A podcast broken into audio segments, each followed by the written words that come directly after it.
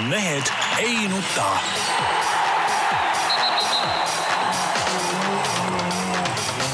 mehed ei nuta. selle eest, et mehed ei nutaks, kannab hoolt Unibet, mängijatelt mängijatele tere päevast, Mehed ei nuta on eetris äh, nagu igal teisipäeval kell üksteist, kunagi meie suur vaimne isa Jaan Martinson välja lubas igaveseks ajaks. Siin äh, Delfi stuudios äh, Peep Pahv. tervist! Tarmo Paju ja kusagil Austraalia avarustes vähemalt mul seostub, et võib-olla kuskil kapten Granti radadel on seiklemas Jaan Martinson, vastab tõele? vastab tõele, ma olen kuskil siin rannikul, kuskil Sydney ja, ja, ja Brisbane'i vahepeal, keegi kurat aru ei saa, ma olen mingisuguses Coffs Harboris, kus toimub siis Austraalia MM-ralli ja ja väidetavalt see on nagu linn ja nagu ei ole ka, see on nagu piirkond, muide siin kasvatatakse jube palju banaane. Ja, ja see on banaanirannik muide siin, et, et, et muud ma nagu ei oska öelda, et, et väga kahtlane värk on siin igal juhul. No ma mäletan, et äh, selle ümber käis kõva pusimine, et Jaan ikkagi nagu läheks sinna Austraaliasse kohale ja tahaks sinna minna. nagu ma aru saan, Jaan, tänaseks sa oled ikkagi väga õnnelik selle valiku üle, et sa, et sa said sinna minna vaata eh, mingil määral tõesti, sellepärast et vaata, kui ma eh, lennukis, mul oli kolmekümne nelja tunnine reis eh, ette võtta, et siis ma, siis ma sain ikkagi lõpuks aru, mida tähendab see relatiivsusteooria, et aeg on relatiivne mõiste. ma istusin lennukisse, ma lendasin kolm tundi ja siis vaatasin kella, pagan, läbitud oli ainult kakskümmend minutit aga vaata, Jaan, kui hea puhkuse ma sulle, õigemini head puhkepäevad ma organiseerisin, eks ole, et, et noh, tööd ei olnud tarvis teha. kaks puhkepäeva läksid nagu niuhti ja, ja kell noh, liikus ka nii nagu omasoodu. Noh. jah, ei, see, see on ikka päris. tõmbasid, tõmbasid need, ütleme puhkepäevade nimekirjast need päevad siis maha endale nüüd, eks ole. no ju ma siis pean tõmbama jah, ega tööd teha siin ei saa, no kus sa seal kitsas lennukis tead saad seal midagi rabeleda ja ei viitsi ka ja ausalt öeldes. Äh, enne kui me Austraalia teemade juurde läheme ja ralli teemade juurde läheme, siis äh, poliitsõnumeid. no ikka no,, ikka. mul on ka Peep üks loomulikult. ei no see kuulus rändelepe on täitsa ajanud ju harja punaseks, ma ei tea, Jaan, palju sa sellest kuulnud oled, aga noh, siin, siin ütleme äh, Sven Mikser üritab siin pähe määrida meile, ma ei tea, mida, eks ole, et, et me äh, käiks ja nõustuks seal mingi ÜRO rändeleppega samas räägib kogu aeg, kuidas see ei ole nagu äh, juriidiliselt äh, siduv, aga samas annab nagu mõista, et nagu me sellega nõustume, siis me peaks nagu seda ikka järgima ka, et need ongi nagu kaks küsimust mulle, mida millegipärast ükski poliitikaajakirjanik pole siiamaani nagu küsinud, et, et et äh, kui see ei ole juriidiliselt millestki siduv, et, mille kuradi pärast meil üldse seda, selle leppega on tarvis nõustuda. Ja teiseks, kui, kui ta ütleb, et meid oodatakse ikka selle järgimist, kui me nõustume, siis see jutt, et ta ei ole juriidiliselt siduv, on ju lihtsalt rahvale ju puru silma ajamine, et ta kavatseb teha ikka kõik selleks, et me ütleme, järgiks neid põhimõtteid, need põhimõtted on muidugi täielikud jurad, et siin mõned nii-öelda peavoolumeedia eh, ajakirjanikud püüavad ka väita, kuidas, et see, sellega nagu ei kaasne midagi halba, aga no ma olen neid, neid punkte siit ikka ka lugenud ja, ja, ja selge see, et sealt üks jama tuleb ja, ja, ja igasuguste välismaalaste ütleme, pehme kohtlemine, siidikinnastes kohtlemine sellest nagu lõpuks välja tuleb no minu arust on see lihtsalt äh, naljakas, ma ütlen siit äh, kõrvalt. Äh, kusjuures esimene asi, mis on naljakas, on see, et ega väga täpselt keegi nagu ei olegi üritanud ära seletada, et miks seda siis nagu vaja on või mida see nagu head teeb, eks. et see, see on nagu üks asi ja siis sõltumata nüüd sellest, kas olla selle leppe poolt või mitte, mulle tundub, et see lepe või see asi ise on no, täiesti mõttetu tegelikult, see noh, nagu sa ütlesid, see ei kohusta millekski ja no see on lihtsalt nagu nii-öelda no, mingi umbluu, mingi umbluu, eks ja, ole, no et ja. praktikas sellest ei muutu mitte midagi, sest kõik maailma riigid nagunii seda ei toeta ja nii edasi. aga naljakas osa on nüüd see just, kuna valimised on ukse ees siis on naljakas jälgida seda, mismoodi mitte keegi, noh, mitte keegi sisuliselt, ka tänases Sven Mikseri intervjuus äh, oli tal ju võimalus tulla ja hakata selgitama, et miks meil seda ikkagi vaja on ja nii edasi ja nii edasi. ja mitte keegi ei taha enam tulla, sest noh, enne valimisi ei saa tulla vaata selle jutuga, sest rahvale see ei meeldi, eks.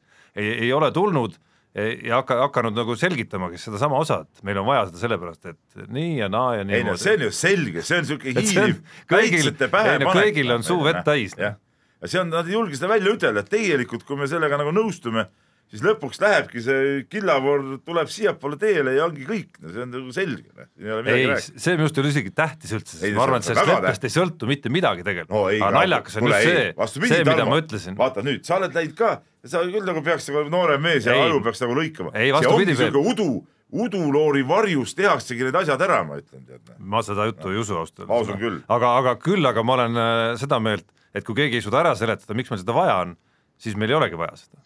Seda nagunii jah, jah. nii, ma ütlen siin Austraalia poolelt ka. Austraalia sellega muuseas ei liitu selle leppega, ma võin sulle Jaan ütelda. Austraalia on selle leppe vastu. nii, aga, aga ma ütlen seda, et, et kuna ma pidin tegema mingisuguse elektroonilise viisa, tähendab noh, ma, ma ei tea, kas seda tegelikkuses ka oleks vaja olnud või mitte, aga lennujaamas vähemalt seda küsiti. Ja siis ma hakkasin huvi, huvi pärast uurima seda noh, et, et Austraalia viisa ja siis lugesin, et sel aastal nad on teinud uued viisaseadused. Ja mis siis tähendab, uus viisaseadus on see, et need nii-öelda Euroopa ja maailma noored võivad mitte kaheks aastaks nüüd farmidesse tööle tulla, nii-öelda meie omal ajal kolhoosi kartuli võtmine, eks, vaid ju nüüd juba kolmeks aastaks. Ja seal olid veel mingisugused tingimused, et nüüd eh, nad võivad seal farmis töötada mitte ainult kuus kuud, vaid terve aasta ja siis eh, ka teise ranniku farmides. ühesõnaga, vaat kus on kaval poliitika, ühesõnaga koguvad Eesti, Läti, Leedu ja üldse Euroopa noored kokku, lasevad endal kartulid ja banaanid ära korjata, maksavad nendele ka öö, küllaltki soliidset äh, raha, aga, aga saavad oma põllumajanduse korda. väga niisugune hea mõte, ühesõnaga nad kasutavad meie tööjõu elegantselt ära. No see on hoopis teine asi, noh, see on hoopis teine teema, eks ole, tead noh. see ei ole Jaa, mingid aga-, mingid, mingid suvalised karvajalad, eks ole, kes siin tahavad tulla lihtsalt hea elu, head elu otsima, tead noh. kuigi ok- okei okay,, need eestlased ka, Eesti noored, kes siin Austraaliasse ronivad, eks need lähevad ka natuke seda hea elu otsima, mõni läheb seiklema ja nii edasi. et ega seda ei saa ka heaks kiita otseselt, onju. Et ja, ja, ja nagu sa mäletad, ma sinu, tunnid täis tegema. nojah, jah, Nad aga peavad farmitunnid täis tegema. no jaa, ma ütlen, et peavad vähemalt reaalset tööd tegema jah, et neid ei kohelda seal siidikinnastest, see on nagu põhiline. ja, ja Austraalia Jaa. on selle, selle idiootse leppe vastu, see on ka selge. Nad ütlesid seda välja nii, aga, aga, aga, aga nüüd võiks meie ka ju teha, las need karvajalad tulevad, aga nad peavad aasta aega töötama, ma ei tea, kaevanduses. jaa, no, no neist ei ole ju mingit töötegijat ju noh, neist ei, Ei, ole aga ju töötegijat noh. Ei no aga siis viskame kohe välja, teeme Jah. nii nagu Austraalia teeb. sa oled näinud neid videosid, vaata, mis on, mis on mõnikord eh, Facebookis ka keer-, no tiirlevad ja, ja kus siis need eh, siuksest imelikest riikidest tulnud vennad ei oska kõige lihtsamaidki töövahendeid kasutada, no see ongi nende tase. noh. nii, Peep, aga mul siiski üks teine välkmõte ka enne, kui Austraalia juurde läheme tagasi, et et mis värk sina oskad selgitada nüüd kõige paremini seda ilmselt, et kuidas, kuidas nii- niimoodi läks, et et ma saan aru, samm üks siis, eks ole, sinu sõbrad Riigikogus tegid eh, Donald Trumpi toetamise rühma, on ju, aga samal ajal selgub, et Donald Trump ise ei tee vahet isegi, mis asi on Baltikum, mis on, mis on Balkan, kes ikkagi seal sõjakuritegusid tegi, et, et milles asi? Kas see teed- saadetis, kas see saadetis, mis nad kõik kokku pakkisid, Kivirähk hästi kirjeldas, eks ole, kõik eh, Jaak Madissoni see, mis tal oli, see kaisuloom ja kõik, mis teele saadeti, et see ilmselt ei ole veel kohale jõudnud. see on ilmselt kohale jõudnud jah. ei no minu arust muidugi need igasugused toetusrühmad ja see kõik on tilu-lilu ja, ja, ja mõttetus ja sellele ma väga tähelepanu ei pööra. teine asi muidugi see, mis, kas Trump peabki üldse teadma, mis on Baltikum ja mis on Balkan, sa tead USA osariike või kus, mis kasvab või? no kõiki kindlasti mitte Noh., aga ma ei ole ka Donald Trump. no mis vahet seal on. arvad, et, et äh, Jüri Ratas teab või? ütleme, ütleme, kui Donald Trump tuleb kohtuma Baltikumi presidentidega, siis võiks siiski teada, teada no aga see on nõunike halb töö tead, nad ei ole ette, ette ütelnud, kes, mis ja kuidas. aga ta oli varem ka nendega kuidagi kohtunud ju. ja kusjuures, Tarmo, see, see, et sa ütled, et sa ei ole Do- Donald Trump, siis sa ütlesid väga õigesti, sa oled oluliselt haritum kui Donald Trump ja ma arvan, et sina võiksid Ameerika osariike teada. No ma arvan, et kõike ei tea ka sina, Jaan siis. ei, kindlasti ei tea, aga nii, noh, paneme sulle, paneme sulle nii-öelda, kuidas oli see kontuurkaart oli koolis, eks ole, paneme selle ette, joonista sinna peale osariigid. ma ütlen kohe ära, ma ma, ma olen jumala jännis. aga selles osas ma arvan, Jaan, on sul kindlasti õigus, et eh, nii sina, mina, Peebu puhul ma ei ole kindel, aga ilmselt ka Peep isegi, kui maailmakaart ette panna ja ja joonistada sinna nii-öelda kontuurid ette, siis Donald Trumpist me kõik suudame ilmselt rohkem sinna ei, Euroopat me suudame kõik panna, noh. ei no ma räägin maailmast. aga maailma, nojah, jah, jah. No Egiptuse paneme ka Aafrikast ära ja Maroko ja Lõuna-Aafrika Vabariigi. nii, aga läheme nüüd aga, aga Kongo Rahvademokraatlik Vabariik, Jaan, kuule, see on ka enam-vähem. see oleks väike junn Aga seal väga- enam-vähem keskel väga- ju minu arust ju. ei, kurat. no hea küll, võtame järgmise teema. ja enne kui asi liiga kaugele läheb ja käime välja veksleid, mis võib-olla ei kannata pärast äh, tõestada. ühesõnaga Austraalia ralli, Ott Tänakul teoreetilised võimalused veel äh, võidelda maailmameistritiitli pärast. Jaan, on see ime nagu tegelikult realistlik?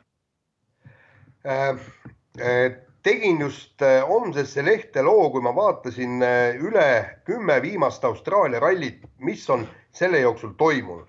ütleme niimoodi, et äh, Austraalia ralli ei ole alati olnud äh, hooaja viimane ralli, ta on olnud keskel kuskil ja, ja sellepärast on väga tõsiselt seal ka võidu sõidetud. ja vot Tarmo, sa oled nüüd tark inimene, ütle nüüd ise, kahel juhul kümnest on kaks esimest ehk siis eh, kaks esimest startijat ehk siis MM-sarja liider ja teise kohal öö, olev vend on välja sõitnud ja, ja põhimõtteliselt katkestanud selle ralli. ehk siis kas kakskümmend protsenti tõenäosust, et see võib juhtuda ka nüüd, on suur või väike? no see on päris suur ausalt öeldes isegi. no jaa, Ja- aga ja- arvest- seis, seisu arvestades, aga sinna juurde sa pead panema veel selle tõenäosuse, mis on siis juures, et Ott Tänak Aga-, et Ott Tänak ei sõida välja. ma tahtsin küsida, et kas sa, kas sa vaatasid ka Või- või ei katkesta, mitu korda on äh, kolmandal kohal asunud äh, äh, rallimees siis äh, sellel rallil katkestanud ja on temaga mingi äpardus juhtunud? Ja üks, ükskord muideks Markus Grönholm, kes oli kolmas, see pani ka välja, aga, aga mis oli, ma tõesti nüüd eh, peast nüüd eh, kohe otse öelda ei oska, aga ühel rallil oli väga huvitav seis eh, tekkis, oli see, et, et Lööb ja Ogier, tundub, et mõlemad sõidumehed panid välja Austraalia rallil mõlemad esimesel katsel.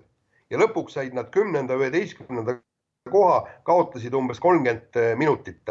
Ja mis tegelikult teeb selle ralli Oti jaoks tegelikult veidikene hapumaks on see, et osalejaid on väga vähe äh,. on sisuliselt WRC autod ja ülejäänud on kõik patserid, kes, kes väga nagu sõita ei oska. ehk siis isegi siis, kui keegi kuskilt katkestab, on ta võimeline ronima päris headele punktidele üles nojah, asi selles, et WRC kahes on ju asjad klaarid, eks ole, et seal ju, seal ju, ma ei tea, palju neid seal, ma pole stardinimekirja niimoodi vaadanudki, palju neid üldse seal kohal on.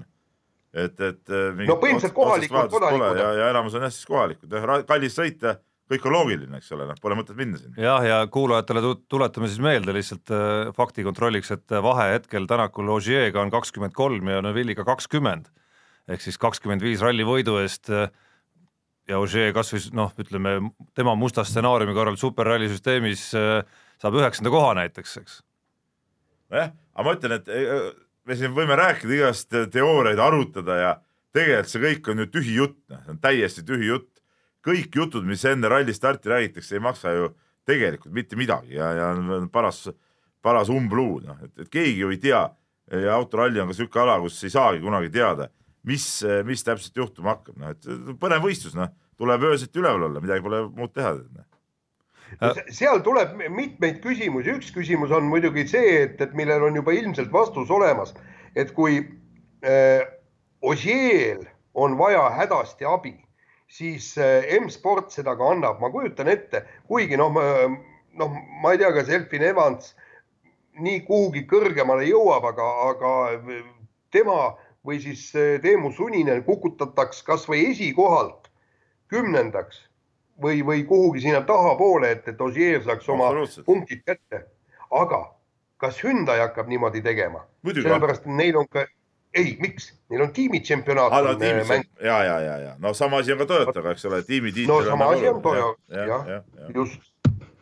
et, et si siin on ikkagi, ikkagi teatud küsimärke, aga, aga, aga ma tahaks näha just, et, et eelkõige kahe mehe lahingut, Ogier ja Neville'i lahingut ja, ja Neville siin nutab, hädaldab, nüüd vingub, no meil on vist saate teemadest tuleb tema vingu ka edaspidi, et, et no nüüd on näha, kas ta on sõidumees. noh, sõidumees, noh jah, ütleme tavaoludes on ta sõidumees, sellistes oludes ei tea, noh. mitmendaks ta seal bobisõidus jäi, mis siin oli siin see või- võistlus, mille Tänak võitis. no Tänak pani selle kinni, Tänak pani kinni jah. no selle pealt siis äh, oleme optimistid, ma saan aru. ma nägin mingit videot, kus nad ka tagumiku peal lasid mingit vesiliugu alla, minu arust ka seal jõudis Tänak esimesena alla. noh, võib-olla on nii, et äh, õiged tšempionid teavad, et äh, millal nii-öelda nagu ära anda, eks ole, ja millal võitma peab.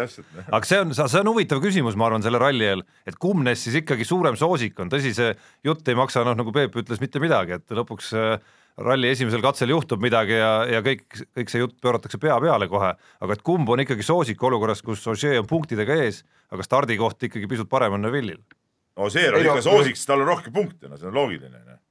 ei no seal on, seal on teine, vaadake, Neuvill oli ju ka, eks ta hakkas hõiskama, et näed, et eelmine aasta ma teise koha mehena võitsin selle ralli ära ja ma arvan, et, et sel aastal juhtub ka nii ta-ta-ta-ta, eks, aga Ožeel ei olnud mitte midagi võita ega kaotada, ta oli juba maailmameister olemas eelmine aasta. aga samas Neuvill un- unustas ära, et ta on veel kahel aastal alustanud teiselt kohalt ja ükskord jäi teiseks ja ükskord kukkus kolmandaks, aga, aga kümnest viimasest rallist viis esimeselt stardikohalt alustanut on ka võitnud Austraalia ralli.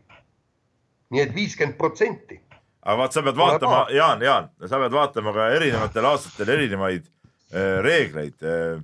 minu arust on isegi kümne aasta jooksul on nii palju muutunud, et, et kes äh, mitmendana peab rajal olema erinevatel päevadel.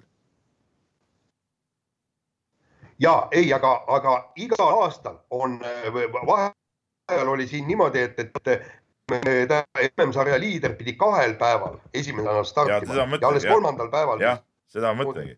Ja aga, aga, aga seda enam, seda enam. ei, Seda ma ütlengi, ja need mõned, mõned rallide mittevõitmised võivad olla ka just tingitud sellest, et ta, et, et liider pidi kahel päeval esimesena startima. seda ma just ütlesingi, et siin peab vaatama neid, neid igasuguseid neid muutujaid ka nagu oluliselt arvestama.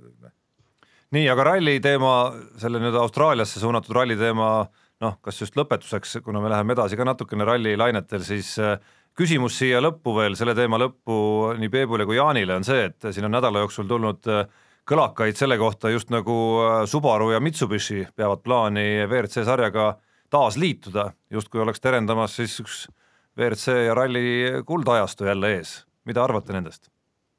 no minu arust oleks vägev, kui nad, kui nad tuleksid sinna, sinna sarja, kindlasti läheks huvitavamaks. see, ütleme noh, autosid rohkem ja kõik, aga noh, kas see nüüd seda teravamat tippu selle võrra teravamaks teeb, selles muidugi kahtlen, sest ega neid siukseid eh, sõidumehi nüüd, kes, kes praegult on näiteks MM-sarjast eh, kõrval ja, ja kui nüüd nende seoses nende kahe tiimi tulekuga saaksid sarja sõitma ja oleksid kohe tippkonkurentsis siuksed sõitjad, ma tegelikult nagu eriti ei näe praegu. ja aga no ütleme niimoodi, et sellest Mitsubishi jutust äh, võib isegi mingit tera leida, sellepärast et see, seda juba räägiti kaks nädalat tagasi ja muide, kes põhiline kihutustöö tegija on, on Toyota korporatsiooni pealik äh, Toyota personaalselt, et ta käib, käib nagu oma maameestele peale, et mis te junnate, et tulge, tulge nüüd sõidame rallit, jumalast äge on. ja, ja aga teine asi on ju see, et, et praegu äh, ilmselgelt, eks ju, Mitsubishi ja Subaru äh, jäävad nagu pildist äh, kõrvale. Toyota on teinud jube vägevat kaks hooaega, võitnud rallisid, praegu on võimalik võita äh, tšempioni tiitel, meeskondlik ja, ja, ja nagu ma siin kirjutasin ka ju artiklis ja kuskil äh, ajakirjandusest tuli välja ju see, et, et alates kahe tuhande kaheksandast aastast on Euroopas Subarute müük järjepidevalt langenud. kaks tuhat kaheksa lõpetati MM-sarjas äh, ralli sõitmine ja sellest ajast on siis äh, nagu Euroopa ei tea nagu sellest Subarust eriti suurt midagi, et Subaru ei ole pildis ja, ja ma arvan, et see võib küll nüüd nagu hamba vere äh, ajada ja see ka, et, et Toyotal nii hästi läheb. noh, samas ma küsiks vastu, et kas on ka mõni selline väga pädev uuring, mis tõestaks ikkagi seost selle WRC sarjas osalemise ja, ja auto reaalse müügi vahel? no ma, ma ei kujuta ette, kas niisugust uuringut on, aga ma arvan, et, et ikkagi on Subaru, Peep teab seda hästi. Peep ju rääkis, ütles mulle, et, et Subaru ongi nii-öelda ralliauto, niisugune ta on, ta on sport, ta on sportlik auto, noh eriti, eriti need igast impresad ja need, mis vanad. noh, Toyota samas on ikkagi auto, mis on nagu nii-öelda iga, igaühele kuigi Subaru on nüüd ka hakanud tegema ju palju neid igast Outbackid ja, ja need, mis, mis on nagu siuksed pereautod, aga. ja noh, Citroen ja Citroen on hoopis noh, väga peredele suunatud ja naistelegi aga oma suunatud. olemuselt on ikkagi Subaru ikkagi sihuke noh, nagu kuidas ma ütlen, seostub ikkagi selle võidusõidu ja. Subaru puhul küll, aga noh, Hyundai, Citroen, Toyota, seal ma seda seost kuidagi ei suudaks ja luua. Mitsubishi samamoodi ikkagi, Evod on ikka puhtalt ikka võidusõiduautod. nii, aga laseme väikse kõlli vahele. ja läheme edasi kiire vahemänguga, mis äh, algab ka siin päris mitme mootorite teemaga.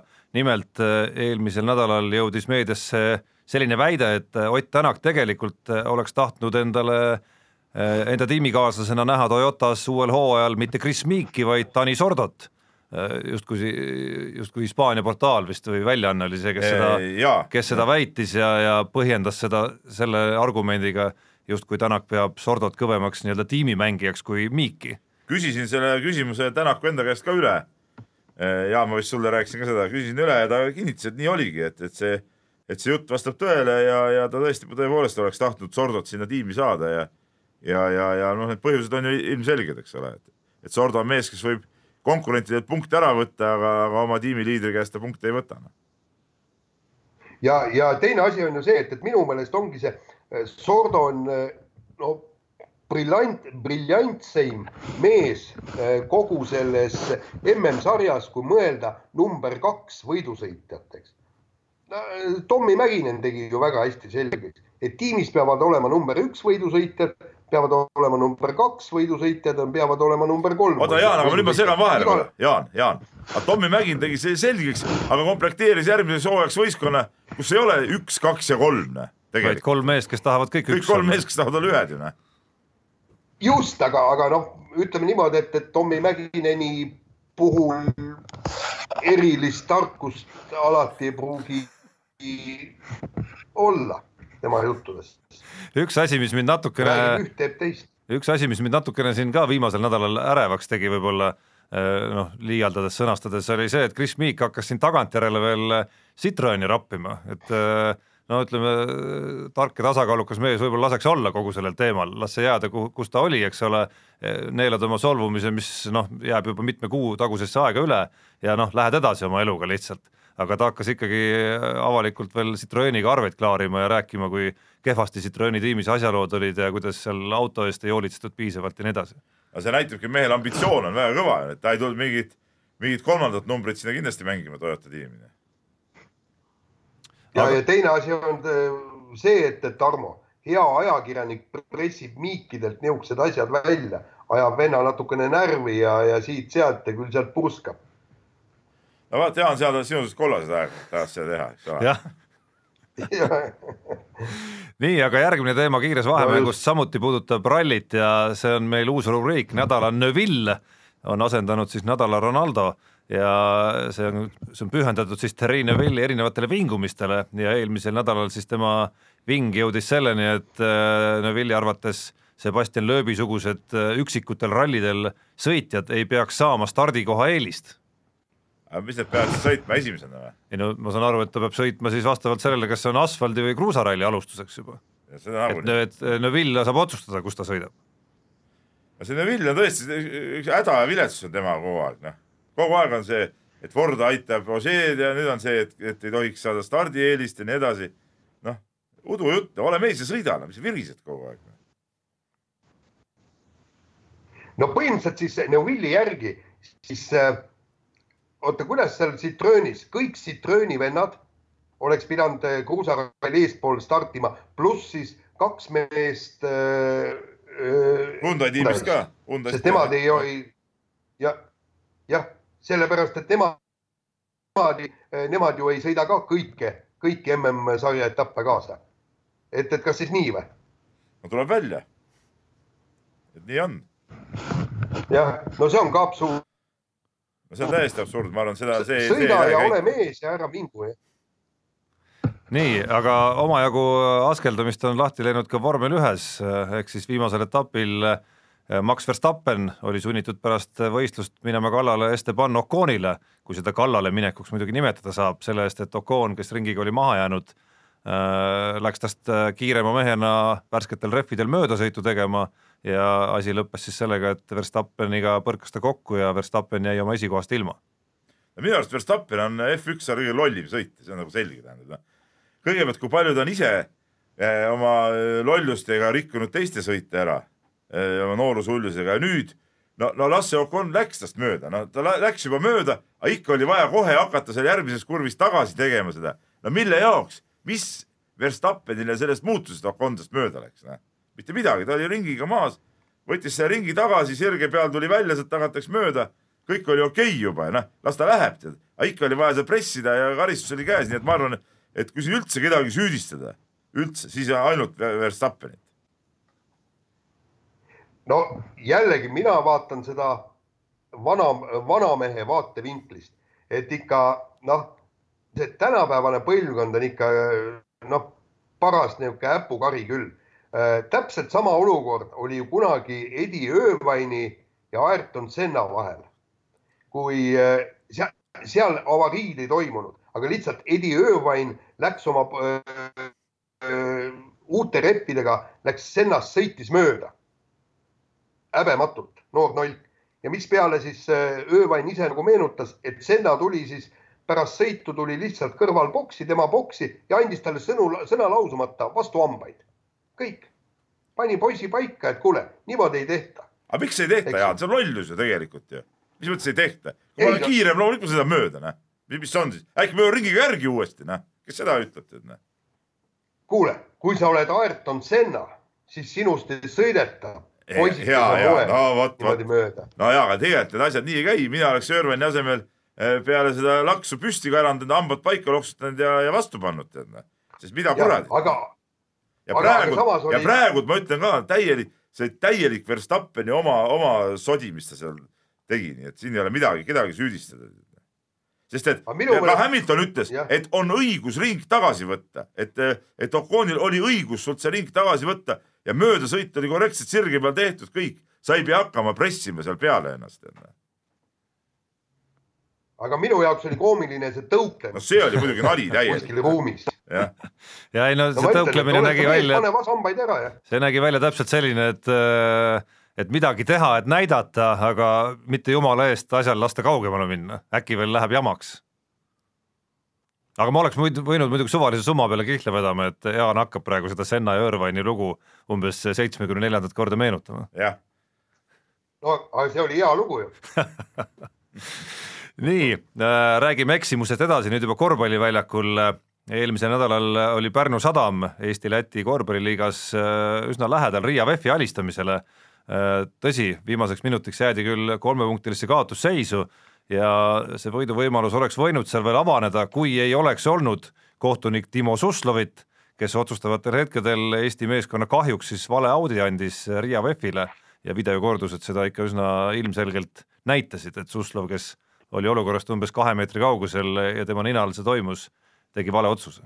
no üsna hämmastav oli, et nii kogenud kohtunik äh, äh, niimoodi eksis tegelikult. Keila mees, ma juhin no tähelepanu. Keila mees ka jah, muidu on tore mees, midagi ei ütle, aga, aga sihuke eksimus, eks ole, et seal oli tead kaks puudet isegi jõudis ju VEF-i mees teha, enne kui see pall out'i läks ja, ja, ja no saime siin helistada ka äh, Rain Peerand on praegu siis Eestis see kohtunike nii-öelda pealik ja ja, ja, ja ta andis ka mõista, et noh, seal siuksele teole võivad järgneda teatud sanktsioonid ja ma pühapäev Peerandit ka kohtusin ja, ja küsisin, mis, mis siis äh, mis siis juhtuda võib või noh, ta ütles, et me ei pea seda nagu avalikustama, me ei avalikustagi seda, aga, aga, aga põhimõtteliselt on jah võimalik seal mingid, mingid sanktsioonid kasutusele võtta, aga noh, see sanktsioon sanktsiooniks, see mängu nagu tagasi ei too enam, et tegelikult oli kahju, et mängu lõpp äh, ära rikuti, et, et võib-olla see ongi Eesti kohtunike natuke, natuke selline, kuidas ma ütlen, mentaliteet, et äh, võetakse sellisel hetkel äh, noh, saadakse nagu peategelasteks, ega see Peerand ise pole ka patust puhas, mul oli siin pühapäev U kaheksateist mäng, kus ta siin viimasel minutil võttis, võttis ühe ebasportliku ja otsustas sellega mängu ära. ebaõiglaselt või? no eh, ebaõiglaselt jah, et otsustas sellega mängu ära, et ma, ma loodan, et Peerandi järgmisel ööl nagu magas natuke pahasti selle pärast. muidu ta on tore mees, aga näe jälle ma- ma juhin tähelepanu, et muidu ta ei ole mitte lihtsalt tore mees, vaid äh, vaid vilistab, vaid vilistab ikka väga suuri mänge, olgem ausad. Tal oli väga, väga vinge nädal, eelmine me just enne mängudega seal vestlesime, kus ta mängis, pani VTB-d eh, Kasahstanis ja, ja, ja samal nädalal veel oli tal ju see eh, CSKA ja äh, aita mul nüüd, kellega nad mängisid, oli, oli Milano. Milanoga jah, oli, oli, oli seal vilistamas ja muidugi kõvad, kõvad asjad, aga näe, ka suurmeistrid eksivad. no ma, ma mina Peep, eksin kuule jah, Peep, kuule, ma toon sulle jällegi selle va- vanamehe heietused siia sisse, ütle, kas mitte korvpalliromaanis juba ei kirjutatud, et ainult Eestis kestavad viimased kolm sekundit, ka tegelikult kolm sekundit. absoluutselt. et, et, et meie korv-, korvpallikohtunikud teevad absoluutselt kõik, nad pigem vilistavad Eesti vastu, et keegi ei hakkaks süüdistama neid eestlaste poolt vilistamises. kuskil mujal sellist asja ei juhtu muidugi, tead noh, jah. Aga kiire seal vahemängu,, seal oli ju selge jah, ütle edasi. ja ei, ma tõ- ja ei, ma ütlen, korvpalliromaanis ju kirjeldati, kui, mis selle kolme sekundi jooksul Gruusias, Gruusias, juhtus, seal visati kaks, jah, kaks korda visati out'i välja ja, ja visati veel peale ja kõike, mis iganes. tehti viga ja no nii on lihtsalt asjad. aga kiire vahemängu lõpetuseks äh, peame ütlema vist, et kõva sõna, Otepää sai kahe tuhande kahekümne teiseks aastaks endale laskesuusatamise MK-etapi. Aga see on tõesti kõva sõna, see on tõesti väga kõva sõna. et, et kui me siin teinud see murdmaasuusatamise MK-etappe, mis on ka noh, okei okay,, Eesti murdmaasuusatamine oli nagu kõval tasemel ja Eestis oli huvi selle vastu suur ja nüüd meil on see kahevõistluse MK-etapp ja asjad. aga need kõik kahvatuvad ikkagi ütleme nagu maailma mõistes või, või Euroopa teleauditooriumigi mõistes äh, laskesuusatamise kõrval, et, et see on, see on üks, üks kõvemaid asju üldse, mis Eestis on nagu toimunud suurvõistlustest. Peep, ma natukene jahutaksin sinu entusiasmi. mul kaks küsimust on mul siin. esiteks toimub ju see eh, MK-etapp ju kohe pärast olümpiat. See on miinus. staarid enamasti, see nii, aga vaata, mul on nüüd kaks küsimust. küsimus, kas see etapp anti Otepääle selleks, et testida valmisolekut ja kui hästi nad hakkama saavad, et mõni järgmine kord anda neile oluline ja tugev etapp. Ehk siis kuhu tulevad kõik staarid kohale ja kus äh, tõesti kõik on väga-väga löögivalmis. Või vot see nüüd teine küsimus, et kas äkki keegi ei tahtnud tegijatest seda etappi endale, sest milleks me kulutame raha, aega, paneme sinna kõik ta-ta-ta, kui staare ei tule, publikut ei tule samas, kas samas sa arvad,, samas, samas, samas hetkel öelda, et staar ei tule sinna minu arust on nagu, on umbluu. väga suur liialdus minu arust, et isegi kui olümpia saab läbi, jätkub äh, heitlus maailmakarikasarja punktide pärast ja maailmakarikasarja üldvõidu pärast, et kindlasti on neid, kes jätavad tulemata, aga mingit massilist loobumist ei ole ei ju ei ole ju olnud tegelikult ka, kui sa vaatad eelmisi olümpiaid. tead, siin tuleks see pilt peale heita ja, ja statistika üle nagu vaadata. Ma ei ole selles päris kindel, et, et asjad nii tegelikult positiivsed on. ma ei usu, et sakslased oleks võtnud seda etappi endale. Hohfield No me ei no, saa- sakslastel ei ole ka vaja võtta, sest Me ei- nende, nende etapid on ju, on ju alati Ja- jaa, jaanuaris palju ikkagi Ruupoldingid ja on- ja Oberhofid. no jaa, Just, mida sa nüüd nagu vigised seal, ma ei saa aru, me ei saagi võrrelda ennast sakslastega, me peame hea meelega selle etappi saame, saame ennast näidata ja, ja kindlasti, kindlasti isegi kui seal on ja ma ei tea, kaks äh, olümpiavõitjat jäävad tulemata, on see ikkagi ülisuur ja ülikõva võistlus, noh, siin pole midagi rääkida. Peep, Peep, kõik on õige, kui me saame ka kõv- mõne järgmise. see on kõvem kui, see on kõvem kui ever mõni, mõni murdmaa MK-etapp siin toimunud on või kõik need murdmaa MK-etapid kokku, noh. igal juhul on see no kõvem. oota, oota, vaatame, kuidas rahvas sellesse suhtub. vot see, kas see on, kas tuleb ka viisteist tuhat pealtvaatajat nagu kunagi MK-etapile tuli? Ja teine küsimus on see, et ma olen täiesti, Peep, sinuga nõus, üks versioon ongi see, et see on kõige parem etapp anda öö, Eestil katsetada, kuidas need asjad laabuvad. aga kui nüüd see jääbki üksikuks etapiks ja järgmine etapp antakse taas nelja aasta pärast ehk siis see nii-öelda olümpiamängude järgne etapp, vot siis on kurb ja see, see Jaan, millele sa tähelepanu juhtisid, ma arvan, ongi üks kõige suuremaid ja huvitavamaid küsimusi, et kas me, kas, kas me suudame sel, me kõik saame aru, et laskesuusatamine on nagu maailma mõistes äh, talialadest üks kõige kõvemaid, noh, me näeme seda Kesk-Euroopa etappe telekast, näeme, kui palju rahvast seal kohal on ja kõik nii edasi, nii edasi. kas see kuidagi kandub ka nüüd ikkagi Otepääle rahva hulgaks, üks eeldus loomulikult on see, mis tasemel, küsimus, mis tasemel on Eesti laskesuusatajad sel ajal, et kas keegi neist on ka tippkonkurentsis või ei ole aga seda osa, Jaan, ma küll ei karda, ma nüüd kiirelt vaatasin, kuidas tänavu pärast olümpiamänge oli esimene etapp pärast olümpiat oli Kondja lahtis näiteks. ma vaatan siin poodiumil oli, oli ette nimesid Martin Fourcadist kuni Anton Šipulini, Anton Šipulinini ja, ja ma ei näe küll mingit massilist loobumiste lainet. ei, väga hea, väga hea. ja samamoodi asi... ja samamoodi olümpia oli Aasias. teine asi muidugi see, et te kardate Eesti publiku pärast, aga nii palju, kui mina olen ERR-i inimestega äh, rääkinud ja noh, eks, eks neid äh, telereitingud on ju siin kättesaadavad ka, et laskesuusatuse MK-etapp, etapid on ikkagi Eesti spordiülekannetest ikkagi täitsa tipus nagu noh, et seal see vaadatavus on, on Eesti mõistes väga kõrge. Ja kui me räägime näiteks nüüd äh, ürit-, äh, nagu korraldaja vaatenurgast, siis üks äh, kõige kõvemaid ürituse korraldajaid Eestis viimastel aastatel on olnud Rally Estonia, samas piirkonnas kusjuures, eks, kes on väga palju tegelenud ka siis eriti viimasel aastal sellega, et erinevate EAS-i vahendite kaudu ja riigi vahendite kaudu keskenduda sellele, kuidas siis just nimelt välismaalt tuua rallile publikut.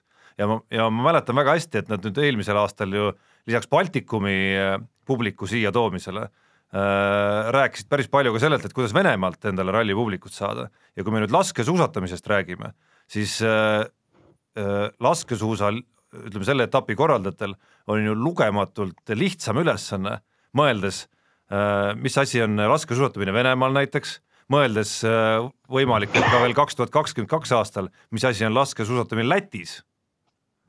ehk siis tegelikult on ju siit ümbruskonna riikidest ja, ja Skandinaav- ja Skandinaaviast rääkimatagi, eks, on, on nagu tohutu potentsiaal, keda siia tuua ju ka Eestisse. küll need Saksamaa fännid, kes ka igal pool ju käivad, tulevad ikkagi ka mingil määral kohale.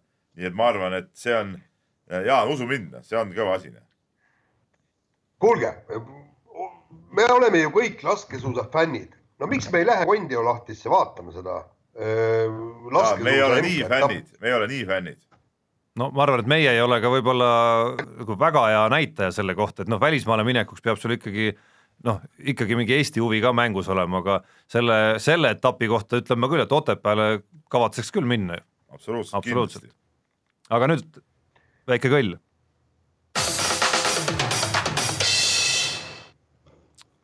sõna on Peebul. Ja kirjade rubriik, eks me oleme jälle oma kella siin lasknud päris kaugele minna, sest Jaan ju ajab nii segast juttu seal, ma saan aru, et see pikk lennureis ja kõik on, on teda mõjutanud. midagi ta nihverdab kogu aeg, kusjuures paigal ei püsi, vaata. teki all pikutad seal või? ei, ma lihtsalt vedelen. no lihtsalt vedel. head kuulajad ja vaatajad, nüüd teate, eks ole, milline on Jaani suhtumine teisse tähtsa saadete eest, ta lihtsalt vedeleb. jaa, aga palve on ära nihele nii palju. ära nihele jah, see kostab kõik siia, siia klappidesse ja, ja ka ilmselt kuulajatele ära. nii aga lähme nüüd kirjade juurde ja Georg Sonne on meile kirjutanud ja, ja e, küsib siis seda, et kas lähete viieteistkümnendal novembril Eesti spordikongressile. E, noh, mina ütlen jah, mina lähen, Jaan teadupärast ei saa minna ja Tarmo, Tarmo ilmselt ka ei, ei tule, eks ole, aga töö tõttu ma lähen. ja, ja siis ta, e, Georg viitab sellele, et seal toimub loodetavasti põnevam arutelu teemal siis EOK, EOK saavutusspordi projekt Team Estonia. Ja, ja siis ta soovitab, et kui kohale jäägi, küsige kindlasti ka antud projekti äh, rahastuse kohta. ja, ja noh, eks see minu arust äh, spordikongressil midagi muud huvitavat iseenesest nagu ei olegi, et see ongi nagu ainuke, ainuke huvitav teema, spordikongress iseenesest oma olemuselt on ju, on ju tegelikult täiesti mõttetu üritus. kuule, Peep, ma jällegi tõmban sulle emotsioone maha. kui sa vaatad seda seltskonda, kes läheb sellest Team Estoniast rääkima, rääkima, istub ja. seal lava peal kokku. Nad on ju kõik pooldavad seda aga mitte keegi ei neist ei otsusta. mitte keegi ei ole neist otsustanud, et seal ei ole lava no, peal äh,. siiski Tarvi Pürn on see, kes, kes ütleme riigi Ta... poolt saab kaasa aidata sellele otsustamisele. vaata, eh, tema kahjuks eh, me ei ole jõudnud nii kaugele, Tarvi Pürn on ääretult sümpaatne vend ja ma käisin ju temaga eh, Team Estoniast rääkimas ja, ja, ja, ja ta on täiesti selle poolt, et see Team Estonia peab tulema, see peab saama väga kõva rahastuse, aga äh, tema ütleb ka, et äh, kuidas see nüüd poliitikutele äh, tuleks pähe määrida, noh, nii-öelda jämedalt öeldes. Ja, ja tegelikult peaks seal olema, ma, ma ei kujuta ette, kindlasti peaks olema seal laval kultuuriminister, kindlasti peaks seal olema peaminister ja kindlasti peaks seal olema võib-olla ka ma ei kujuta ette, rahandusminister ja vot siis nüüd kaks osapoolt omavahel panevad piigid kokku. et kuulge, mehed, teeme nüüd ära, meil on vaja kakskümmend miljonit riigilt. ei, ja ma see ja see ja see ja see, see seltskond, keda sa mainisid, oleks seda nagu ütleme, debati huvides seda ägedam, et need on ju sporditaustaga inimesed veel. absoluutselt, aga ei no just, Jaan, Jaan, ma olen sinuga täiesti nõus eh, selles suhtes, et ega ma sealt ei ootagi midagi, et nüüd, nüüd eh, need eh, Gerd Kanter, Andres Laane ja Anna Levandi ja, ja Ott Järvela ja Tarvi Pürn tõusevad seal eh, lavale ja siis ütlevad, et nii, nüüd Team Estonia on loodud ja, ja, ja plaksutame ja, ja tõuseme püsti kõik. ei, ma seda ei ootagi, lihtsalt see on nagu, see on nagu ainuke huvitav teema, ütleme, mille üle seal üldse arutada, et ja me oleme sinuga mõlemal spordikongressil käinud, me teame tegelikult ju, mis see, mis see üritus endast kujutab, et no minu arust see on üks arusaamatumaid üritusi üldse maailmas, tähendab, noh. Et äh, millel ei ole nagu mitte mingisugust jõudu, aga ütleme, seal on vähemalt mingisugune arutelu, arutelu koht, aga sealt midagi oodata, kui sellist nüüd äh, muidugi ei ole, selles ma olen sinuga täitsa nõus. ja, ja seal peaks ikkagi olema mingisugune otsus vastu võtma. ei no Jaan, aga mis otsus, mis asi on spordikongress, võtab vastu mingeid otsuseid, no see on, see on samasugune umblu otsus, nagu me läheme sinna selle ÜRO leppe üle seal, et, et ja oleme nõus, eks ole, tead, noh, aga mis, mis, mis otsus, noh, mis see otsus annab, noh no see sellepärast otsus, Jaan, Jaan, see otsus ju ei anna ma mitte midagi, otsuse peavad vastu võtma Jüri Ratas ja, ja, ja, ja Indrek Saar, eks ole, peavad otsuse vastu võtma. mitte, mitte, mitte spordikongress, et, et, et maakonnas tulevad mingid pruunides pintsakutes äh, halli peaga vana, vanahärrad ja tõstavad seal seda nii-öelda mandaati ja hääletame selle poolt. no ja siis, Dacia'st tuleb uudit, noh. Peep, Peep, aga, aga ta ääretult piinlik oleks, kui peaminister ja kultuuriminister ei viibiks sellel äh, spordikongressil, sellepärast et nad on mõlemad spordimehed ja tegelikult sport on praegu probleemide kütkes, kuule, ka noortesport aga me ei tea, Kuule, Jaan. võib-olla viibivad. Jaan, Jaan, meie peaminister eile näiteks oleks võinud, oleks olnud iseenesestmõistetav, et oleks veetnud oma aega võib-olla näiteks äh, kuskil seal äh, Toompeal, kus parasjagu just arutati sedasama kuulsat, kuulsa leppe küsimust, eks ole, ja ja oleks pidanud siis oma ametikohast tulenevalt ja, ja ma saan aru, et tema seisukohast tulenevalt veenma siis kõiki ja tegema selgeks, miks seda Eesti nii-öelda heakskiitu vaja on. aga tema oli sel ajal hoopis Keskerakonna valimisüritusel Keilas, jälle Keilas Ah, ja, ja lubas Elronile järgmiseks aastaks kolme uut rongi, millest Elron ega Kadri Simson ka ei tea veel midagi. ah pagana mees, miks ta ei aga trendist läbi, tead, noh. ise vana Kosovo mees. ja, ja aga, aga. Ja nüüd sa tahad, et ta tuleks spordikongressi? kuule, keegi kirjutas väga huvitava artikli praegu just see, et, et millega meil see Jüri Ratase valitsus üldse ajalukku läheb. noh, põhimõtteliselt alkoholiaktsiisi tõus, segane äh, maksusüsteem ja, ja, ja põhimõtteliselt nagu midagi nagu positiivset ei olegi meeles või teil on, ütle, Tarmo. no rahuaeg on, sõda ei Mina- ole, sõda ei ole. ei, Jaan No ei Jaan, ei, Jaan, ma ütlen, parem teevad midagigi, sul on meeles, nad olid, kui ei tee üldse mitte midagi, noh. mõistad? ei, ma selles Peep päris kindel ei ole. ei, alati tegutsemine on alati parem, kui, kui Ma- sama käed rüppes istumine. ei no eks nad kõik on omal ajal tegutsenud, Kristen Michal ka tegutses kunagi. oli see siis hea või? kilekotti Jah. tahtis raha või? ma arvan, et on hetki küll, kus mitte tegutsemine on parem kui tegutsemine. nojah, nii ja lähme kirjadega edasi ja meie hea sõber Kalle äh, kirjutab. Savisaar ka muidugi. Savisaar ka tegutses jah. aga Kalle kirjutab ja, ja toob äh, veel kord korraks selle Verstappeni Oconi, ja Villu Reiljan. võime nimesid niimoodi ütlema jäädagi, et, et äh, Verstappeni Oconi äh, õnnetuse, tema muidugi äh, peab süüdlase Oconi ja seekord sa, Kalle, muidugi eksid, aga no see selleks, sest ma otsin, kus asjad tegelikult olid ja, ja nii on, aga äh, tead, Kalle on huvitav küsimus, et äh, esmaspäeval tuli uudis, et FIA karistab Max Verstappenit kahe päevase ühiskondlik kasuliku tööga, et siit küsimus, et mis ajast on FIA-l selline õigus. minu teada peaks sellist karistust määrama siiski kohus ja kui FIA-l on selline õigus, siis mismoodi see ÜKT välja võiks näha, et kas Verstappen läheb ja peseb Pariisis FIA peakorteris kaks päeva põrandaid või kuidas ta oma patud siis lunastab? ei no eks FIA saab igasugu karistusi välja mõelda teoorias, et tal on see õigus ju tegelikult olemas, eks. ma, mulle meenub nagu NBA-s tegelikult ka mingeid, mingeid juhtumeid, kus siin on määratud mingeid kraaklejaid a la äh, viharavikursustele või noh, mingitele sellistele, sellistesse kohtadesse näiteks. nojaa, aga ja ei, ühiskondlik kasulik töö on ikkagi ju see on mingisugune, ma ei tea, omal ajal äh, koolis äh, pidime ju näiteks seal äh, küttepuid laduma ja briketti tassima ja, ja, ja mõisaparki riisuma ja, ja nii edasi, eks see oli nagu ühiskondlik kasulik töö minu arust. ja noh, tihti leitakse sellistel juhtudel muidugi sellised ametile lähemad tööd natukene, no et kui sulle määrata näiteks ühiskondlikult kasulikku tööd, siis lähed äh, ma ei tea, pidama kuskile Eesti väiksemasse maakohta, kes siis korvpalli või meedia telgitagustest äh, rääkivad loengut näiteks. aga mis see Verstappen siis õpetab kedagi kihutama kuskil või? jah, või, või, või, ei või, no või, või poksima jah, või? miks mitte. noh, poksimist ma saan aru, ei ole ta pädev siiski õpetama. ja vormelisõiduga on ka nagu on natukene. tõuklema jah. nii, aga Siim kirjutab meile ja, ja küsib, et, et kuu aja pärast hakatakse taas valima parimaid sportlasi. et kas mehed ei nuta, kaardimehed on juba mõelnud selle, mõelnud, kelle vahel võiks see aasta rebimiseks minna. et äh, Siim otsustas täna tõstmise MM-i tulemused, et siis see küsimus helist- esitada, et, et varasemalt on palju vaieldud, kes selle aasta meessportliiti väärib. et äh, kas tänavu on keegi, kes võiks meie rallipaarile vastu saada olenemata, kas Austraaliast tullakse tagasi MM pronksi, hõbeda või kullaga. ei ole, ei ole jah? ütled sa kohe niimoodi ära? ahah, on või? ei no ma ei tea, Ei no aga, mina- Magnus, mina- Magnus Kirt näiteks, Magno, Magnus Kirt, muidugi, maailma odavistluses., kui palju,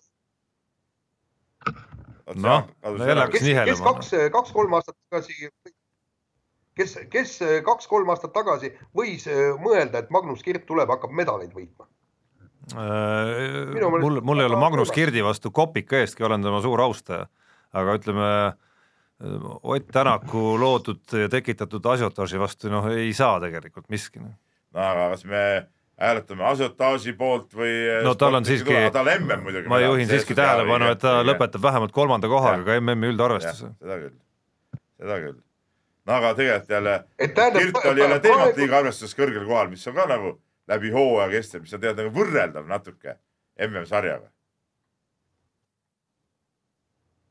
Aa, ma pean vastama midagi ei, või? ma mõtlesin, et Jaan tahab midagi ütelda, see on midagi nagu, aga ma ei tea, kas Jaan üldse kadus ära. Ei, ei, on ei. alles? ei, ma tahtsin, ei, ma tahan lihtsalt seda öelda, et, et, et, et ta tähendab, et, et, et nii kaua, kui ta rallit sõidab ja esikonningusse kuulub, on raudselt Eesti parim sportlane või? ma, no ei noh, see sõltub natukene teiste tulemustest ka muidugi. küll ma näen, kui me räägime päris protseduurist praegu nüüd, et tema võit ei ole sugugi maha kulutatud, sest et on päris paljusid, päris paljud, kes äh, individuaalarvestuses võib-olla ei hakka teda üldse panema, et tekib see ei no eelmine aasta juba pandi, no enam tekib see iga-aastane mingi no rahva seas rahva seas pannakse küll, aga lõpuks on kuskil, kui läheb a la eriti ajakirjanike seas hääletuseks, siis võib tekkida seal ikka mingi seltskond inimesi, kes eirab seda üldist kokkulepet ja muidugi. sellest tekib mingisugune nagu mingi veidrus aga lõpuks välja pretsedent. on juba loodud selles suhtes, ma arvan, et seal selle taha väga ei jää. nii, aga kirjade projekti lõpetuseks ma tahaks muidugi iseennast ka kiita, tähendab, ikka, ikka. sest et eh, tuli, tuli veel üks kiri ja, ja, ja kus kiideti siis äh, mind ekstra, et eh, kuna eh, tõin siis nii-öelda kastanid eh, tulest välja Pere ja Kodu podcastis, kus siis rääkisid, räägiti laste kasvatamisest isade pilgu läbi, nii et, nii et äh, kirjutaksin, et Peebul oli õige kindel seisukoht. ja, ja see on te- noh, teema, millele siis kirja kirjutaja ka alla kirjutab, et, et selles suhtes saatis meile siis Marek Hunt, et äh, nii on. ja kas sa kuulasid mu juttu sealt või? ei, ma ei kuulanud su juttu. ah sihuke mees sa oledki. jah, no mina, Peep, võin öelda, eile kuulasin seda juttu äh, absoluutne tõde, lasti taas päevavalgele. ja mina võin kommenteerida seda juttu ka. esiteks kommenteerin muidugi, et Jaan, ega sul ei ole vaja seda kuulata, sest äh, nii nagu äh, mina, nii suudaksid ka sina kõik need Peebu seisukohad tegelikult nagu peast Peebu hääletooniga enam-vähem ikkagi ette öelda. teiseks ütlen muidugi sellest hoolimata oli Peep selles saates loomulikult kõige veenvam esineja, selles mõttes äh, olen kirjasaatjaga nõus. Et, et selles mõttes sa muidugi jänni ei jäänud, aga kolmandaks, mida ma tahan öelda, see on, see on hea võimalus seda öelda, et, et lisaks Mehed ei nutale on, on Delfil tekkinud viimasel paaril kuul terve rida päris ägedaid äh, podcast'e, ehk siis äh, kas guugeldage või Delfi lehel otsige üles Delfi tasku või siis ükskõik millises äh, podcast'ide kuulamise rakenduses Spotify'st kuni iTunesini, lööge see tasku nimi sisse ja, ja saate lähemalt kuulata, ka üks jalgpallisaade kusjuures, mida Peep, Jah. üks sinugi jüngritest teeb. jah, absoluutselt. aga no siin. Aga mina ei- nii, mina ei kuulanud Peebu juttu äh, sellel põhjusel, et minul on lapsed kasvatatud ja nad on sedavõrd hästi kasvatatud, et mu tütar viib minu kasvatusvõtteid edasi oma laste peal. ehk siis kasvatab samuti vägevaid ja toredaid inimesi, et mida ma sellest kuulan. minu töö on tehtud, mind nagu see juba enam ei no ja, ja, ei huvita. Jaan, Jaan ei taha lihtsalt teada saada, mis vigu ta teinud on, vaata. teiseks, ei, absoluutselt ühtegi viga ei ole teinud. Kõik see- on perfektne. aga miks see Joss eh, siis nagu Eestis ei ela praegu tead ah? miks? On ta Eesti mees või ei ole? On külm, Eestis on Eestis külm. külm., vaata sellise pupujuku sa oled kasvatanud. Ja Jossi, keda me oleme põlvepikkusest peale siin tead äh, näinud, kuidas ta on sirgunud. Ja nüüd tuleb välja, et Jaan on kasvatanud äh,, Joss on siis Joosep Martinson, et kuulajad ka aru saaksid, Eesti, Eesti parim spordifotograaf ilmselt vaieldamatult, aga tuleb välja, et tegemist on täieliku pupujukuga, sest tal on Eestis külm ja vaja lihtsalt No. talvel elada kuskil soojal maal. tere hommikust, Kuule- mees, ma ütlen tead, noh. kuulge. kui see on sinu kasvatus, siis see on üks õudne läbikukkumine, noh, blamaaž, noh. kallid kuulajad, kui te olete igal nädalal eh, kodus kaks või kolm päeva ja saate üksiku vaba nädala talvel, kas te tulete siia Eesti tuisku ja tormi Jah. või te lähete mõnusasse Hispaania sooja? ei, tuleme Mina tuisku ja tormi no mis sa siin istud siis, ära siis jää sinna Austraaliasse siis, noh. lased, lased mürgiämblikud hammustavad sind, ja mine otsi kapten Grant üles. nii. Läheme teemadega edasi, kell on juba, muusika ja vahepeal on ka või? no pane okei okay.. ikka. Mart Seim sai tõstmise maailmameistrivõistlustel kuuenda koha ja, ja küsimus kindlasti, mis vääriks arutamist pärast seda võistlust, on see, et et mis on tema variandid tulevikus ikkagi veel mõni tiitlivõistluste medal võita. no eks ilmselt võimalused ikkagi on, sest ega praegu paljuski selle võistluse rikkus äh, see nagu mingi seljahäda, et äh, ta läks ju tõukamises ikkagi maksimumi peale välja ja, ja oleks ta selle üles saanud, noh, okei okay,, seekord ta medalit sellest eest poleks saanud veel, aga, aga väikse medali oleks nii-öelda kätte saanud jälle, et, et, et kindlasti ikka mingi potentsiaal on nagu olemas. no ma arvan, et, et enne ei juhtu midagi, kui ta ikkagi oma rebimise viib vähemalt kahesaja kiloni, selle saja üheksakümne kahega väga kaugele ei purjeta ja teine asi võib-olla jah, praegu ju rikkus see selg kogu selle võistluse ära, aga tegelikult noh, teooria oleks ju ette näinud nii, et äh, tõukamisest oleks pidanud ikkagi veik, veidikene väiksema raskuse teisele katsele võtma. ma ei tea, sada nelikümmend viis ja siis vaatama, mida teised teevad ja siis minema täispanga peale. no medal, medalile ei oleks seda ikka aidanud. ei, miks, miks ei oleks, kui ta oleks need kaks kangi üles saanud. Jaan, isegi kui ta oleks praegu see kakssada viiskümmend üks, mida ta proovis, eks ole, see ei oleks see medalile aidanud. see oleks neljanda koha ja andnud. neljanda koha andnud. Kõik on õige, sa lükkad nelikümmend viis üles ja vaatad, mis teised teevad ja vaat siis lähed riskile ja pane, paned sada viiskümmend neli, sada viiskümmend viis, ma ei tea, palju sinna oli vaja kangile peale panna, kui sa seda üles ei lükka, aga vähemalt sa lähed üritama medalit, aga me, see on puhas teooria, sellepärast et, et vennal oli ikkagi selg, nagu ta ise ütles, pole vahet, kui palju seal kangil raskust on, selg saab kannatada ikkagi ühel moel. noh, see on ilmselgelt küsimus number üks tegelikult, mitte, mitte see rebimise teema niivõrd, kus tundub, kus tundub kus tund-, jaa ei see on selge see, aga noh, ütleme, sa ei saa rebimist korda, kui sul selg ei ole korras. see, see eelneb igal juhul ju asjale. ja aga, aga see rebimine ei ole nii edukalt edasi läinud isegi korras selja puhul. jah, aga noh, praegu me vigase seljaga nägime, et väike progress ikkagi oli ju. jah, väike progress oli, aga, aga, aga ma ütlen, rebimine korda, selg korda ja siis tulevad medalid. jah, tõsi, kui sa kui sa vaatad seda võistlust äh, noh, otseülekandes näiteks, siis on eriti hästi tajutav see, pärast protokollist vaadata on nagu üks asi, aga, aga teine asi, kui sa vaatad reaalajas seda võistlust äh, otseülekandes ja siis on eriti hästi tajutav see nagu see vahemaa, mis tal on tegelikult teiste A-grupi meestega, sest äh, A-grupis on ta ikkagi nagu noh, viimaste seas oma rebimise poole pealt ja sa nagu äh, füüsiliselt tajud nagu igat kilo tegelikult, mida ta kaotab, selle annab nagu teistele ette tegelikult sellega. aga noh, mis ja puudutab,, ja vaadake, sealt tulevad ju, ju, sealt tulevad ju juuniorid peale, seal oli ju kaks juuniori, kes tõstsid ju väga hästi. Mis nad on siis, kaheksateist, üheksateist poisid või? üheksateist. jah, ja, ja arvestage, nemad ju tulevad kohe-kohe suurde mängu. järelikult äh, Mart Seim peab ka midagi tegema, et, et areng oleks hüppelisem ei, seda küll, aga samas on selge, et äh, olümpiani ma usun, et Seim püsib nii-öelda suures mängus sees. just ja noh, mis on olümpial, kui me olümpiast räägime ju, annab talle lisavariandid on need, et äh, seal on ju äh, päris mitmel riigil on piirangud, äh, et nad ei, võib-olla raskekaalus ei panegi välja oma tõstjat üldse, sest nad saavad ühe tõstja välja panna ja eelistavad ilmselt mõnda teist kaalu, kus nende võit on noh, võit või medal on kindlam. pluss, eks ole, iga riik saab ka vähem tõstjaid välja panna kui, kui MM-il, nii et need on need mingid faktorid, mis annavad talle natukene lisavõimalusi. Ja see, see kõik on õige ja medal on medal, kui ta olümpiamedali ära tooks, oleks ta suur tõstja igal juhul, aga samas ei saa loota sellele, et ma võtan medali tänu sellele, et mõned riigid saavad panna välja ainult ühe tõstja, seal on vähem ta-ta-ta, kõik muu niisugune asi. Seda... rebi, rebimine korda ja, ja võta see medal.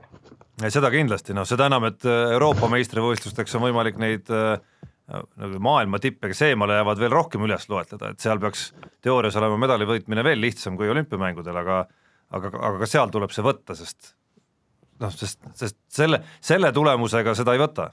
ei, seda kindlasti jah, seda kindlasti.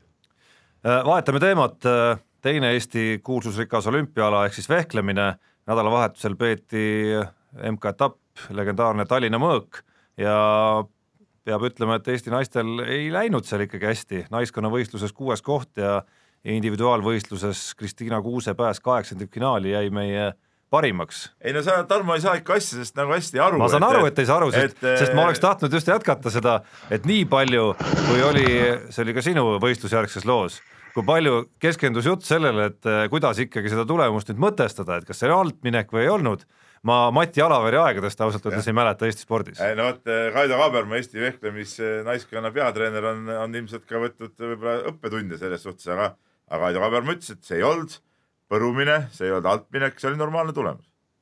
aga keda me siis usume? no põhi, põhimõtteliselt ma olen seda ju vehklemist jälginud siin aastaid ja aastaid ja, ja juba eelmine eelmine hooaeg ma olin väga kriitiline selle vehklemise suhtes just sellepärast, et ega me tegelikult ei teinud, meie tüdrukud ei teinud mitte kui midagi äh, ei MK-etappidel ja ka naiskond oli kesine.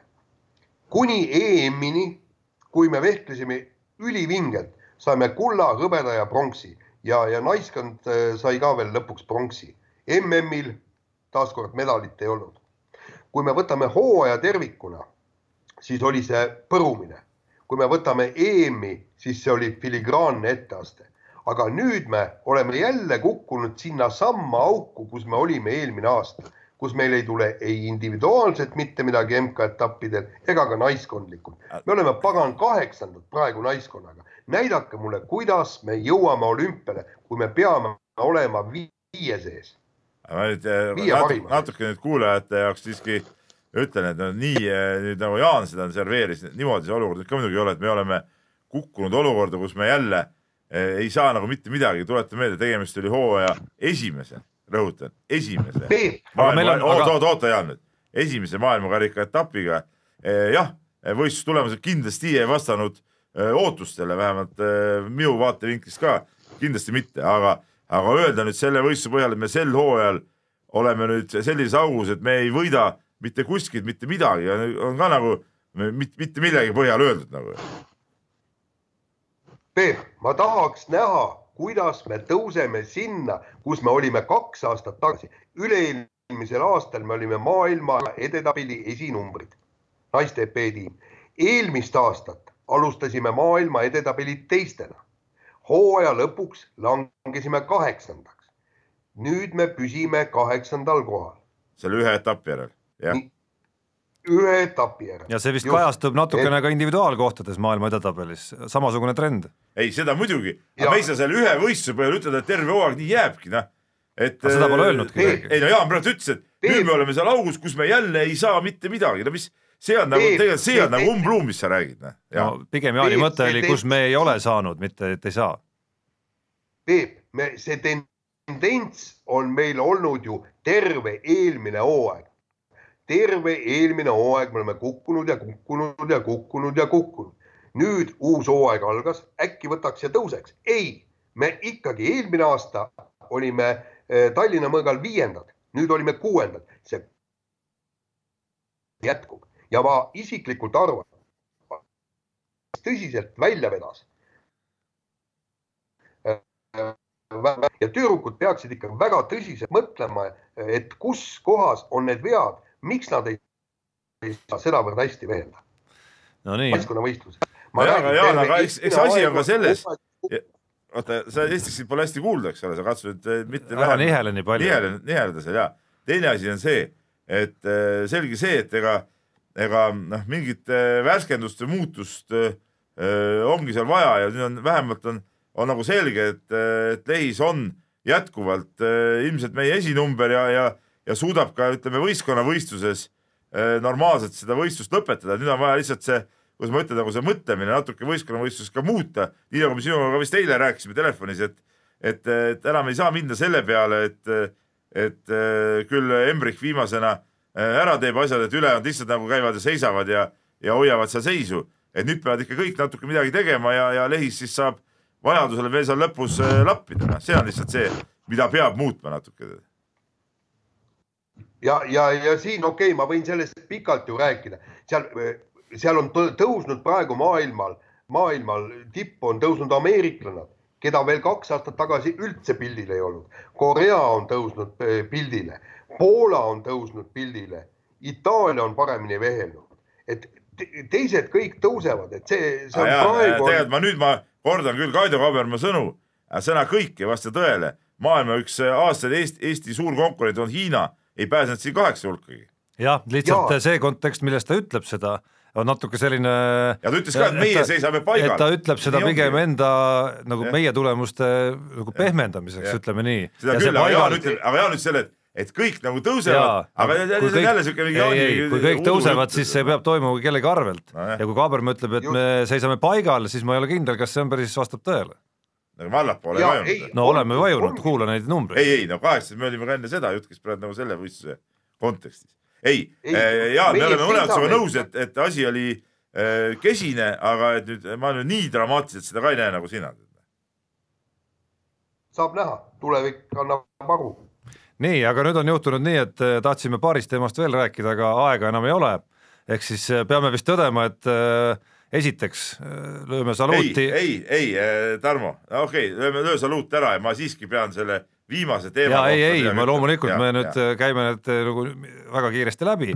esiteks äh, lööme saluuti Nõmme Kaljule Eesti jalgpalli meistriks tuleku puhul äh, kõva sõna, mitte kaotada hooaja jooksul ühtegi mängu ja kõva sõna kindlasti nende peatreener Sergei Frantsev ja, ja hea meel, et temaga värskelt sõlmiti ka uus leping, aga pikemat analüüsi ütleme, jätame selle siis Futboliidimeeste Rauli ja Rasmuse ajada, et kuulake Delfi ta- taskust siis seda. Ja lõpetuseks äh, loomulikult ei saa me jätta mainimata seda uudist, et Kristina Šmigun-Vähi otsustas äh, kandideerida eelolevatel Riigikogu valimistel Reformierakonna ridades.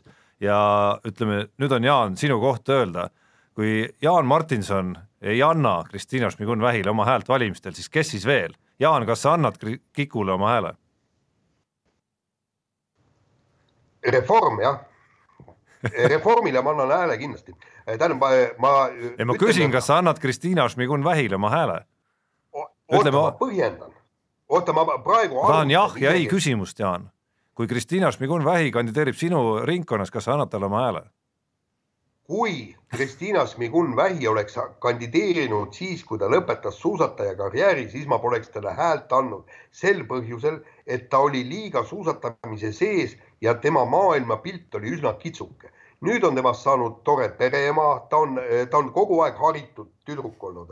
Ja nüüd seda enam ta on lõpetanud kõrgkooli. Ja ma vestleks temaga paar sõna ja, ja ma loodan, et tema maailmapilt on oluliselt öö, ar, öö, avaram, kui ta oli mõned aastad tagasi. Ja ma arvan, jah, ma annan talle hääle. Jaan, aga kas sind üldse ei huvita ikkagi see, see dopingu lugu, et, et, et ta ikkagi ei ole see selgeks rääkinud, kas saab anda häält inimesele, kes on nii palju hämanud, okei okay,, ta mõisteti õigeks, jah, ma saan aru, aga kui ta ei, nii puhas ja nii aus on, eks ole, ja poliitikas peavad ju puhtad ja ausad olema, kristalsed nagu prillikivid, eks ole, et eh, siis eh, miks ta ei taha lahti rääkida seda teemat, Jaan? kas me saame usaldada sellist inimest, mina arvan, et ei saa Peep, näita mulle puhast, ausat ja prillikivilist poliitikut, punkt üks ja punkt kaks, mul on tähtis see, et Eesti elu edasi läheks. Ma valin ju. no see, see oli nüüd, see, see, Reformierakonnaga ta muidugi edasi ei lähe, see on ka nagu selge. see oli nüüd Ei, vastus, vastus Jaanilt, mis ei, küsimusele ei vastanud muidugi. ei, täiesti raudselt valin Reformierakonda, täiesti raudselt valin. ma, ma sekundeerin siia lõppu kindlasti veel sellega, et, et ka mina ootan endiselt Kristiina Šmigunilt, temal on see võimalus ikkagi natukene, natukenegi lahti seletada, mis värk oli ja, ja mind mind, mind häirib see, et ta ei tee olemas? seda. mis luba, Jaan, kui sa oled aus inimene, sul, sul ei olnud ju mitte midagi, mis, mis kuradi loast sa räägid siin? järelikult sul on midagi varjata, järelikult asi ei olnud puhas, kõik, kui sa räägid mingist loast, siin ei ole midagi rohkem arutada.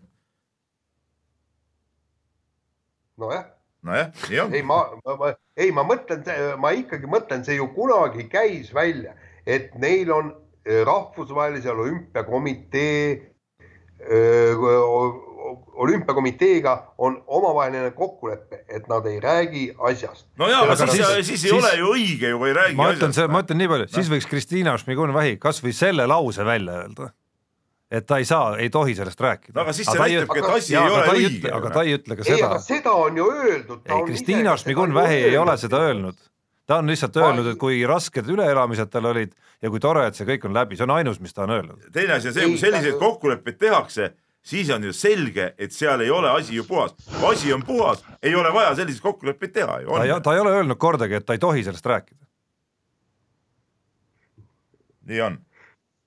ühesõnaga, tõmbame saatele otsad kokku, aega läks äh, omajagu.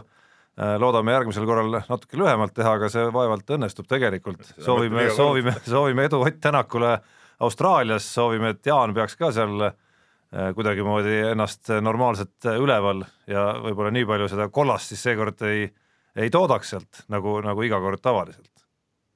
kuuleme jälle järgmisel nädalal, kohtumiseni. mehed ei nuta.